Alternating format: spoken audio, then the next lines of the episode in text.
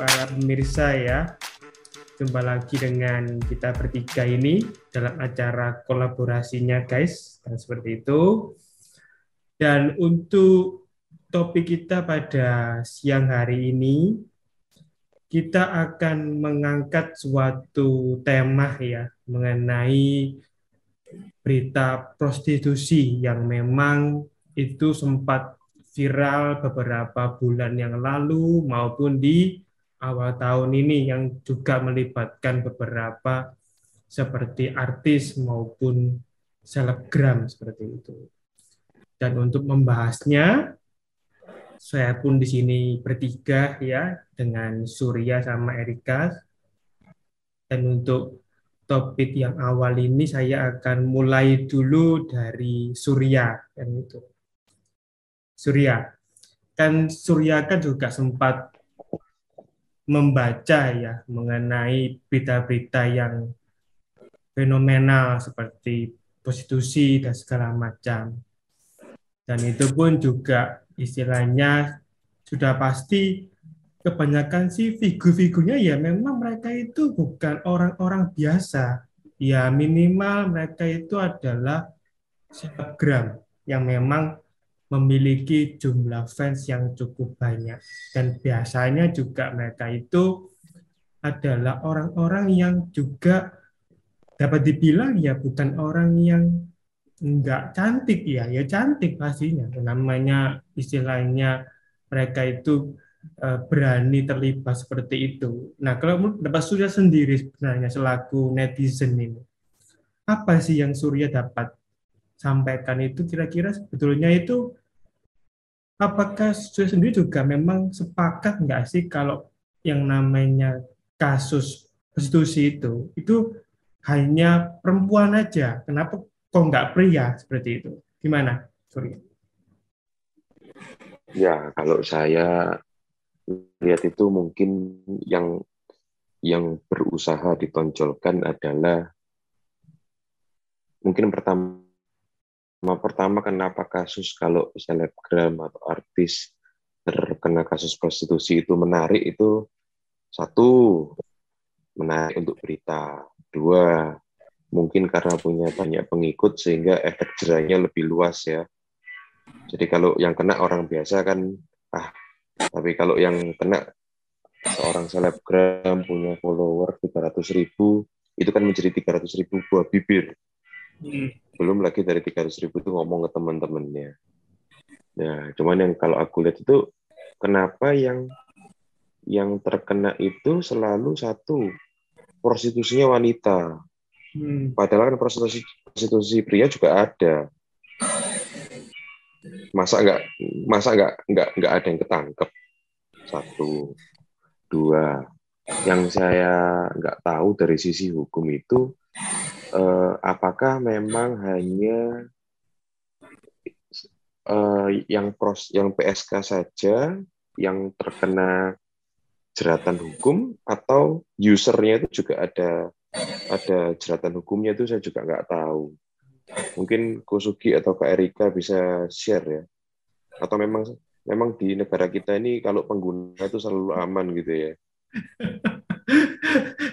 ya, kalau dari saya pribadi sih itu sebenarnya itu ada beberapa ketentuan yang sudah apa ya kalau kan kalau istilahnya prostitusi itu sebenarnya sih si penyewanya itu bisa dikenakan Surya tetapi memang terkadang itu karena kan gini loh sekarang itu kan untuk pemilihan objeknya itu aja yang memang terkadang itu kurang kurang bisa seimbang ya. Karena begini loh karena setiap kota itu ada namanya peraturan secara perkotaan yang khusus. Jadi kalau di Surabaya itu sudah ada sih peraturan yang kayak per, kayak perda gitu ya. Iya, yang memang dia ketika menggunakan jasa seperti itu, ya dia dapat dikenakan. Jadi tidak cuma yang menjajakan aja, tapi mereka yang memakai pun juga sama. Nah, tapi kan itu nggak berlaku se istilahnya apa ya di semua kota seperti itu Surya. Dan kalau dapat dilihat kan generalnya juga nggak semua itu bisa dikenakan yang sama seperti itu. Mungkin dari Erika bisa menyampaikan kira-kira apakah sebetulnya yang namanya prostitusi itu apa sih yang melatar belakang itu yang pertama. Kedua juga apakah di sini Erika juga kan juga selaku mewakili gender wanita. Apakah uh, di sini itu menurut Erika sendiri itu kira-kira cukup fair nggak sih kalau yang namanya prostitusi itu kenapa yang selalu diekspos itu kok hanya yang perempuan, yang hanya yang selebgram, yang hanya yang memiliki istilahnya background yang cukup terkenal. Gimana Erik? Aku kalau aku sih pribadi mungkin jawabnya yang yang biasa-biasa aja nggak mau jadi bombastis kayak Surya ya. kalau kalau aku sih lihat dari dari ininya sih kebetulan kan uh, kalau untuk prostitusi biasanya kalau yang pengguna itu biasanya dikenakan um, apa ya yang dari KUHP-nya itu uh, pasal 284. Jadi hmm. uh, tentang persinahan sedangkan definisi persinahan itu sendiri adalah uh, untuk uh, seorang pria yang telah menikah atau hmm. seorang wanita yang telah menikah yang kemudian um, apa ya uh, melakukan hubungan uh, suami istri kan gitu. Hmm, yeah. Iya. uh, jadi kalau seandainya pengguna ini adalah lajang dalam artian mungkin uh, yang pengguna prostitusi online ini belum menikah, maka hukumnya adalah nggak bisa diekspos gitu kan.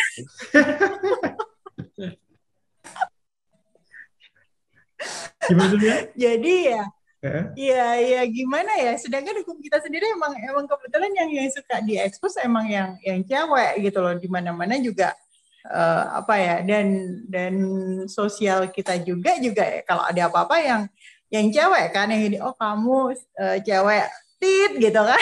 Jadi sedangkan untuk yang cowok itu meskipun dia pengguna kan di stigma masyarakat ya ya tidak ada tidak ada uh, apa uh, justify apa-apa gitu loh. Itu itu mungkin yang yang harus harus sedikit dirubah. Makanya untuk undang-undang yang baru kan rencananya akan direvisi untuk meskipun itu dia lajang, tapi kalau dia menggunakan jasa prostitusi maka dia bisa dikenakan hukum pidana kayak gitu. Jadi kan kalau dilihat Loh, lagi kalau dirubah yang baru berarti prostitusi itu definisinya definisinya gimana? Jadi kalau pacaran boleh, kalau, kalau bayar nggak kan, boleh gitu.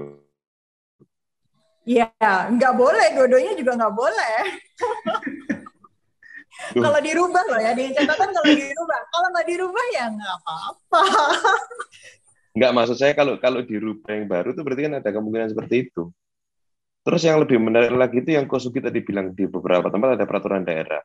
Berarti kota-kota yang aman di Indonesia di mana aja, Kosugi? biar bisa dihindari gitu maksudnya.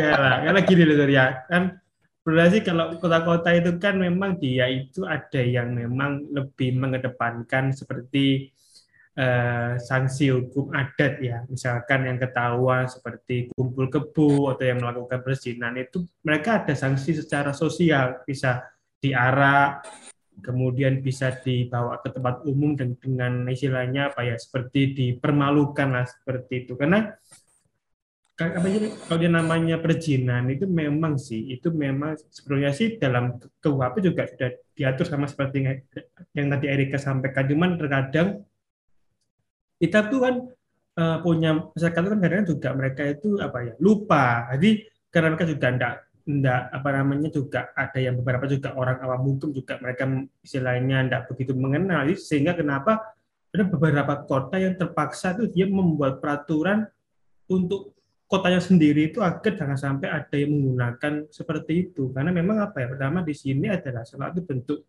upaya maksimal dari kita punya pemerintah itu agar untuk mengurangi hal seperti itu ya meskipun pada kenyataannya pun juga yang namanya prostitusi kan nggak cuma offline ya, ada offline. Jadi itu banyak juga yang online, online juga banyak. Dan ini pun juga memang memerlukan juga kerjasama juga. Sama seperti yang kalau Erika pernah sampaikan juga, dia menyampaikan kalau nggak ada yang memakai, nggak mungkin dia jualan. Itu kalau selama ada yang user, ya pasti tetap aja ada yang pakai kan seperti itu.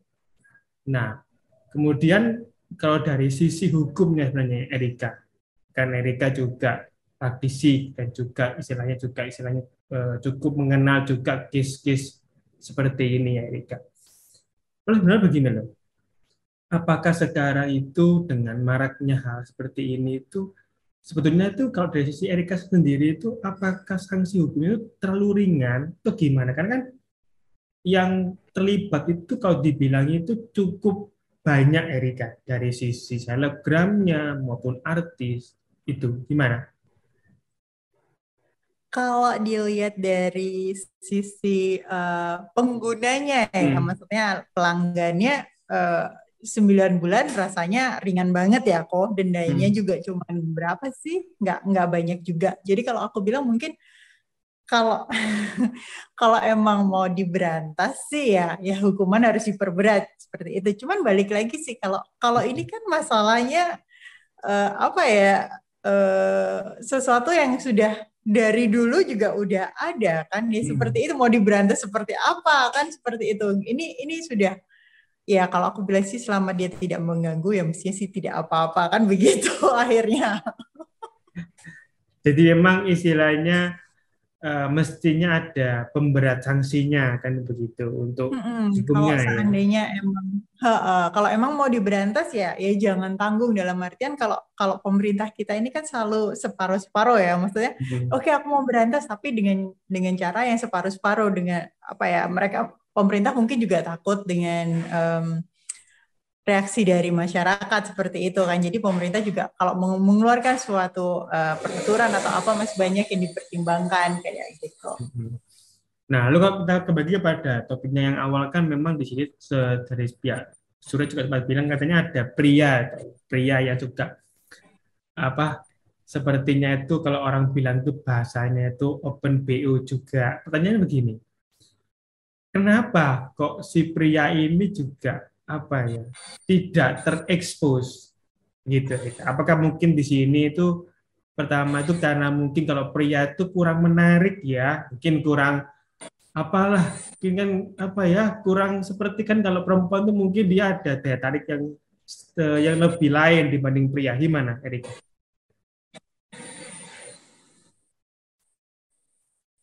Kalau kalau aku bilang sih kalau kalau cowok sih ya itu tadi balik lagi. Kalau kalau di sisi cowok mungkin kurang viral ya. Sedangkan kalau cewek yang diekspos itu rasanya pasti yang yang komen netizen 62 ini yang komen di di bawah berita itu pasti banyak kan gitu loh. Hmm. kemarin aku sebut share ke Surya juga ada beberapa komen yang yang sedikit lucu-lucu. Cuman aku nggak mungkin ngomong di sini karena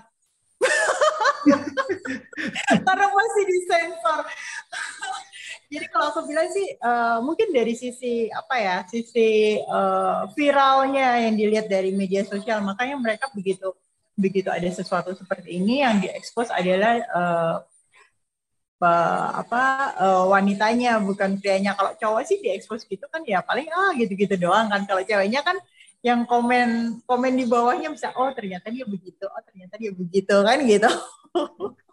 Jadi memang ada perbedaan ya dari antara yang pria maupun yang wanita kan begitu.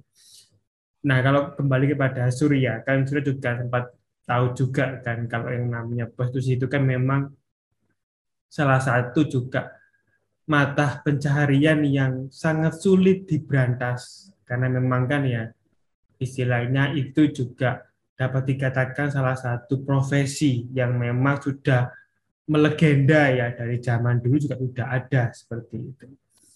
Nah, kalau menurut dapat saya sendiri, sebenarnya begini loh, apakah memang sekarang itu mereka-mereka yang seperti itu, itu pertama karena kurangnya lapangan pekerjaan atau bagi saya sendiri itu ah kalau dibilang-bilang negara kita sih sudah cukup ya memberikan kesempatan untuk mereka itu bekerja. Gimana, Surya? Jawabannya multidimensi soalnya. Karena kalau saya daripada diam-diam, hmm. mending sekalian dilegalkan bayar pajak. kayak seperti anu di ya beberapa negara hmm, kayak Swiss, hmm, kayak Jerman, Belanda, Singapura, Korea, Jepang. Sekalian aja kalau mau dilegalkan, dilakukan secara teratur, ada pemeriksaan kesehatan secara berkala, ya kan?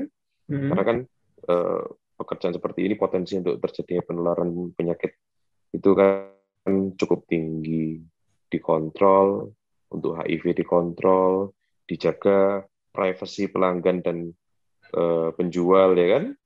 Ini kan pekerjaan yang sebenarnya eh, walaupun legal tetap ada dampak norma sosial. Eh, kalau masalah lapangan pekerjaan, saya rasa tidak ada sih anak sekarang yang cita-citanya jadi apa? Jadi cewek BO, kok belum ada ya? Atau jadi aku mau jadi apa? Mau jadi gigolo gitu kan? Belum belum ada. Kalau ada pun jarang, ya kan? Tapi melihat pendapatan mereka per bulan itu fantastis loh. untuk yang Walaupun anu ya kita ya, tahu, ya, ya. gimana? Hmm? Ya walaupun kita tahu pekerjaan ini kalau kamu menjadi koki semakin lama semakin tua semakin berpengalaman gaji semakin mahal. Kalau pekerjaan ini kan kebalik. Waktu buka saya hegel mahal nanti kalau sudah 25 tahun bekerja harganya 10%. Jadi itu juga harus dipahami. Tapi apakah di 10 tahun pertama pendapatannya lumayan? Lumayan. Nah, kalau contoh nih kalau di tempat yang besar prostitusi seperti kayak Doli yang dulu sudah pernah ada. Satu hari satu cewek bisa melayani 10 sampai 12 ini data statistik ya. Ini boleh di check boleh nggak di check tapi kira-kira segitu. Itu berapa income-nya? Berapa berapa tahun yang dibutuhkan sebelum mereka bisa mendapatkan income seperti itu sedangkan kalau mau jadi dokter sekolahnya 8 tahun baru bisa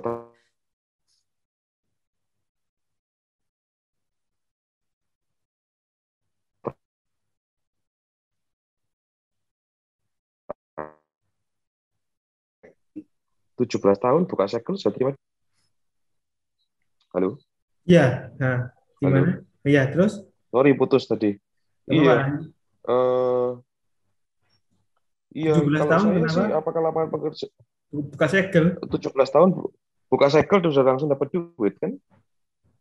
Cepat. Jadi eh, kalau dilihat grafisnya tuh untuk effort dan time dan income itu menarik gitu kan? Nah apakah lapangan pekerjaan kita kurang? Jawabannya pasti kurang. Di seluruh, seluruh negara itu lapangan pekerjaan pasti kurang. Apalagi negara kita ini negara net importir yang yang yang ya kita ini tidak ada lah produk tidak terlalu banyak lah produk lokal yang bisa dibanggakan. Sekarang pemerintah berusaha keras mendorong produk lokal. Ya harapannya, tapi saya rasa nggak bisa dibasmi lah. Kalau nggak bisa dibasmi lebih baik dikontrol sih, menurut saya ya.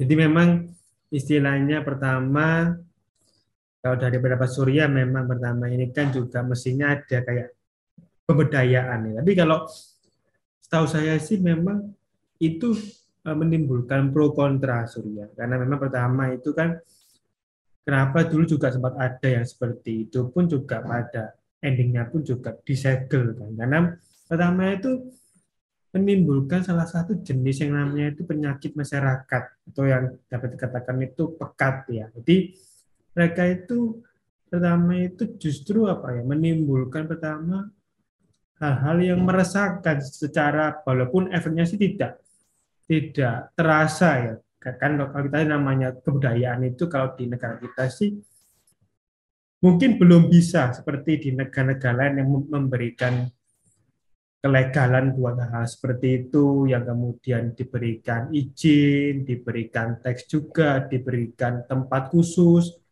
ataupun namanya lokalisasi yang khusus. Karena itu kembali kepada kita punya culture-nya dan kenapa kok tempat yang dulu pernah ada di negara kita yang sempat besar itu juga ditutup karena pertama itu kalau saya lihat itu ya apa ya menimbulkan dampak-dampak yang kalau menurut saya sih justru kurang baik. Kenapa ya? Satu meningkatnya juga seperti penyakit seperti HIV dan segala macam. Karena juga kalau saya sempat baca dulu beberapa artikel itu mereka itu menyumbangkan beberapa penyakit yang memang justru meningkatkan. Kedua juga pertama membuat apa ya satu uh, tempat tersebut itu justru menjadi seperti tingkat kerennya tinggi karena mereka-mereka yang ada di sana itu itu ternyata bukan hanya sebatas seperti apa ya menjual dirinya tapi mereka justru terlibat dengan beberapa jenis krem yang lebih serius seperti adanya uh, jual beli kayak barang-barang yang mengandung narkotik itu juga ada beberapa yang terlibat seperti apa ya istilahnya kejahatan umum. Jadi itu mereka-mereka itu sebetulnya kalau mungkin ya mereka tidak terlibat seperti itu mungkin juga kita punya pemerintah juga bakal mempertimbangkan untuk menyegel tadi itu. Tapi kalau itu kemudian sudah melibatkan krem yang menjurus ke arah nyawa itu mungkin lain lagi tapi itu. Dan dari Erika juga bisa menjelaskan ya. Sebetulnya Erika sendiri apakah setuju nggak sih kalau tempat-tempat prostitusi yang dulu pernah ada itu kemudian disegel. Apa mungkin Erika merasa oh iya setuju tapi mestinya juga nggak sampai seperti itu atau memang ada pendapat lain dari Erika. Silakan. Kalau aku sih mending biarin aja dalam artian kan uh, kalau di Surabaya sih udah udah orang semua orang udah tahu ya itu terbesar di Asia Tenggara tempo hari title-nya seperti itu. Kalau aku sih mendingan biarin aja seperti itu karena uh, dengan dengan seperti itu itu lebih apa ya kayak sentralisasi. Jadi kalau kalau sekarang kan akhirnya tetap ada meskipun itu sembunyi-sembunyi. Kalau aku sih daripada sembunyi-sembunyi terus nanti malah buntutnya yang lain-lain kalau aku bilang ya biarin aja gitu maksudnya ya udah sentralisasi di satu tempat uh, kalau ada apa-apa kan ngeceknya gampang tinggal di situ kan gitu kalau aku sih gitu sih kok Jadi istilahnya uh, di sini lebih anu ya mengarahnya kalau sebenarnya jangan ditutup tapi lebih apa kayak lebih diperketat dan segala macam lebih dikontrol ya, ya dari kita punya pemerintah itu agar jangan sampai itu menjadi penutupan dan begitu. Nah, lalu kemudian kalau misalkan ya istilahnya tempat tersebut itu memang terbuka deh dan itu kan juga memang istilahnya menjadi salah satu ikon ya. Kalau dulu sih namanya menjadi salah satu ikon kota. Kalau, kalau orang bilang sih, kalau dulu sih orang bilang kalau nggak ke sana itu berarti belum ke tempat itu. Beda kan menunya kalau kita nggak makan itu berarti kita nggak belum ke sana. Ini lain. Kalau kita nggak ke situ berarti kita belum ke situ. Nah, gini loh. Itu kan memang anu ya, istilahnya mereka itu uh, secara khusus memang menyediakan seperti itu. Dan juga pertama kalau dari sisi baik itu sosial itu memang menimbulkan pro dan kontra. Hmm. Nah, lalu misalkan ini istilahnya kan Erika juga punya pasangan. Nah, kalau misalkan pasangan Erika begitu ke tempat seperti itu, kalau menurut Erika sendiri selaku orang yang memilih pasangan itu, sebetulnya sih Erika juga merasa keberatan atau memang merasa aduh ngapain kan juga udah ada udah ada pasangannya gimana? kalau kalau aku sih itu biasanya balik ke personal masing-masing dalam artian gini kok uh, kalau kalau kita udah pasangan tuh ada momen kalau mungkin pasangan hmm. kita bosan kayak gitu.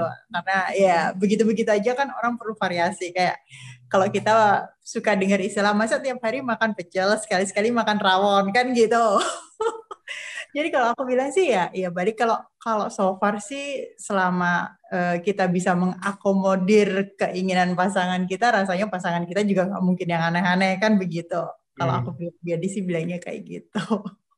Jadi anu ya, tergantung dari opsional, tergantung dari pilihan masing-masing kan begitu. Nah, lalu kalau sekarang Surya, kan Surya juga memang eh, juga pasti sudah sudah familiar kan dengan tempat-tempat seperti itu. Kalau menurut Bapak Surya sendiri, sebetulnya baik itu pria-pria yang lajang maupun yang sudah memiliki pasangan itu, keliru nggak sih Surya kalau ke sana kemudian mencoba gi- gitu, gimana ya Surya? Tergantung niatnya sih.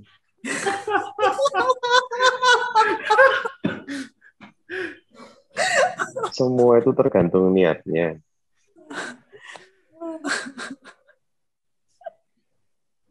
Itu aja, semua tergantung niatnya. Mau ngapain ke sana? Untuk ingin tahu, bagus. Untuk melakukan, sudah siap dengan konsekuensinya belum? Sudah tahu nggak konsekuensinya? Kalau sudah tahu masih dilakuin, ya sudah, urusan personal dia dengan Tuhan Allah kan. Kita kan bukan bukan messenger surga kan, jadi kita juga nggak bisa menghakimi kan. Hmm. Kalau aku sih gitu sih, tergantung niatnya. Karena Jadi- saya, cara aku Hmm. melihat sesuatu itu lebih liberal ya. Itu urusan personal masing-masing. Hmm. Kadang-kadang aja mungkin kalau kita bisa ngomong sama yang di atas, yang di atas juga nyerah kok bilangin orang itu. Jadi anu ya, lebih kepada opsional ya, ya pilihan masing-masing lah begitu. Nah, kalau menurut kalau istilahnya, dia di bawah umur, mungkin kita masih bisa me- memberikan larangan karena dia belum waktunya mengambil keputusan, kurang umur, kurang informasi. Ya, saya setuju. Tapi kalau sudah di umur yang disetujui oleh semua orang bahwa dia dianggap dewasa, maka orang tersebut sudah memiliki hak dan tanggung jawab kan? hmm, dia berhak menggunakan itu, me- menggunakan jasa itu, ya dia juga harus bertanggung jawab akan konsekuensinya. hmm, jadi anu ya, istilahnya kalau bagi yang eh, belum cukup umur, mungkin lebih banyak mendapatkan kayak edukasi ya, kok sampai ke tempat itu. Preventif, Gitu, edukasi, ya. ya. Nah, Karena kan anak-anak yang Hah? eh, lahir sekarang ini kan kalau kita bilang tidak boleh itu kan makin dilarang. Cara mengedukasi setiap generasi itu kan berbeda. Hmm, Kalau kita ke Amerika gitu ya, walaupun Amerika negaranya sangat open, kalau mereka melarang seks bebas itu nggak nggak nggak akan ada yang mau dengar. Maka approach yang dilakukan adalah mengajarkan safe safe sex gitu ya. Jadi lebih ke arah preventif and how to manage. Tapi kalau itu kan kembali kepada pribadi masing-masing kita. Tapi kalau saya pribadi sih terus terang sih Betul, semua kembali. Iya, kan memang itu pasti ada pro kontra ya Surya. Jadi ah, pasti juga ada yang setuju dengan adanya penutupan, juga ada yang setuju dengan adanya tetap dibuka. Semua pasti ada pro kontra kan gitu.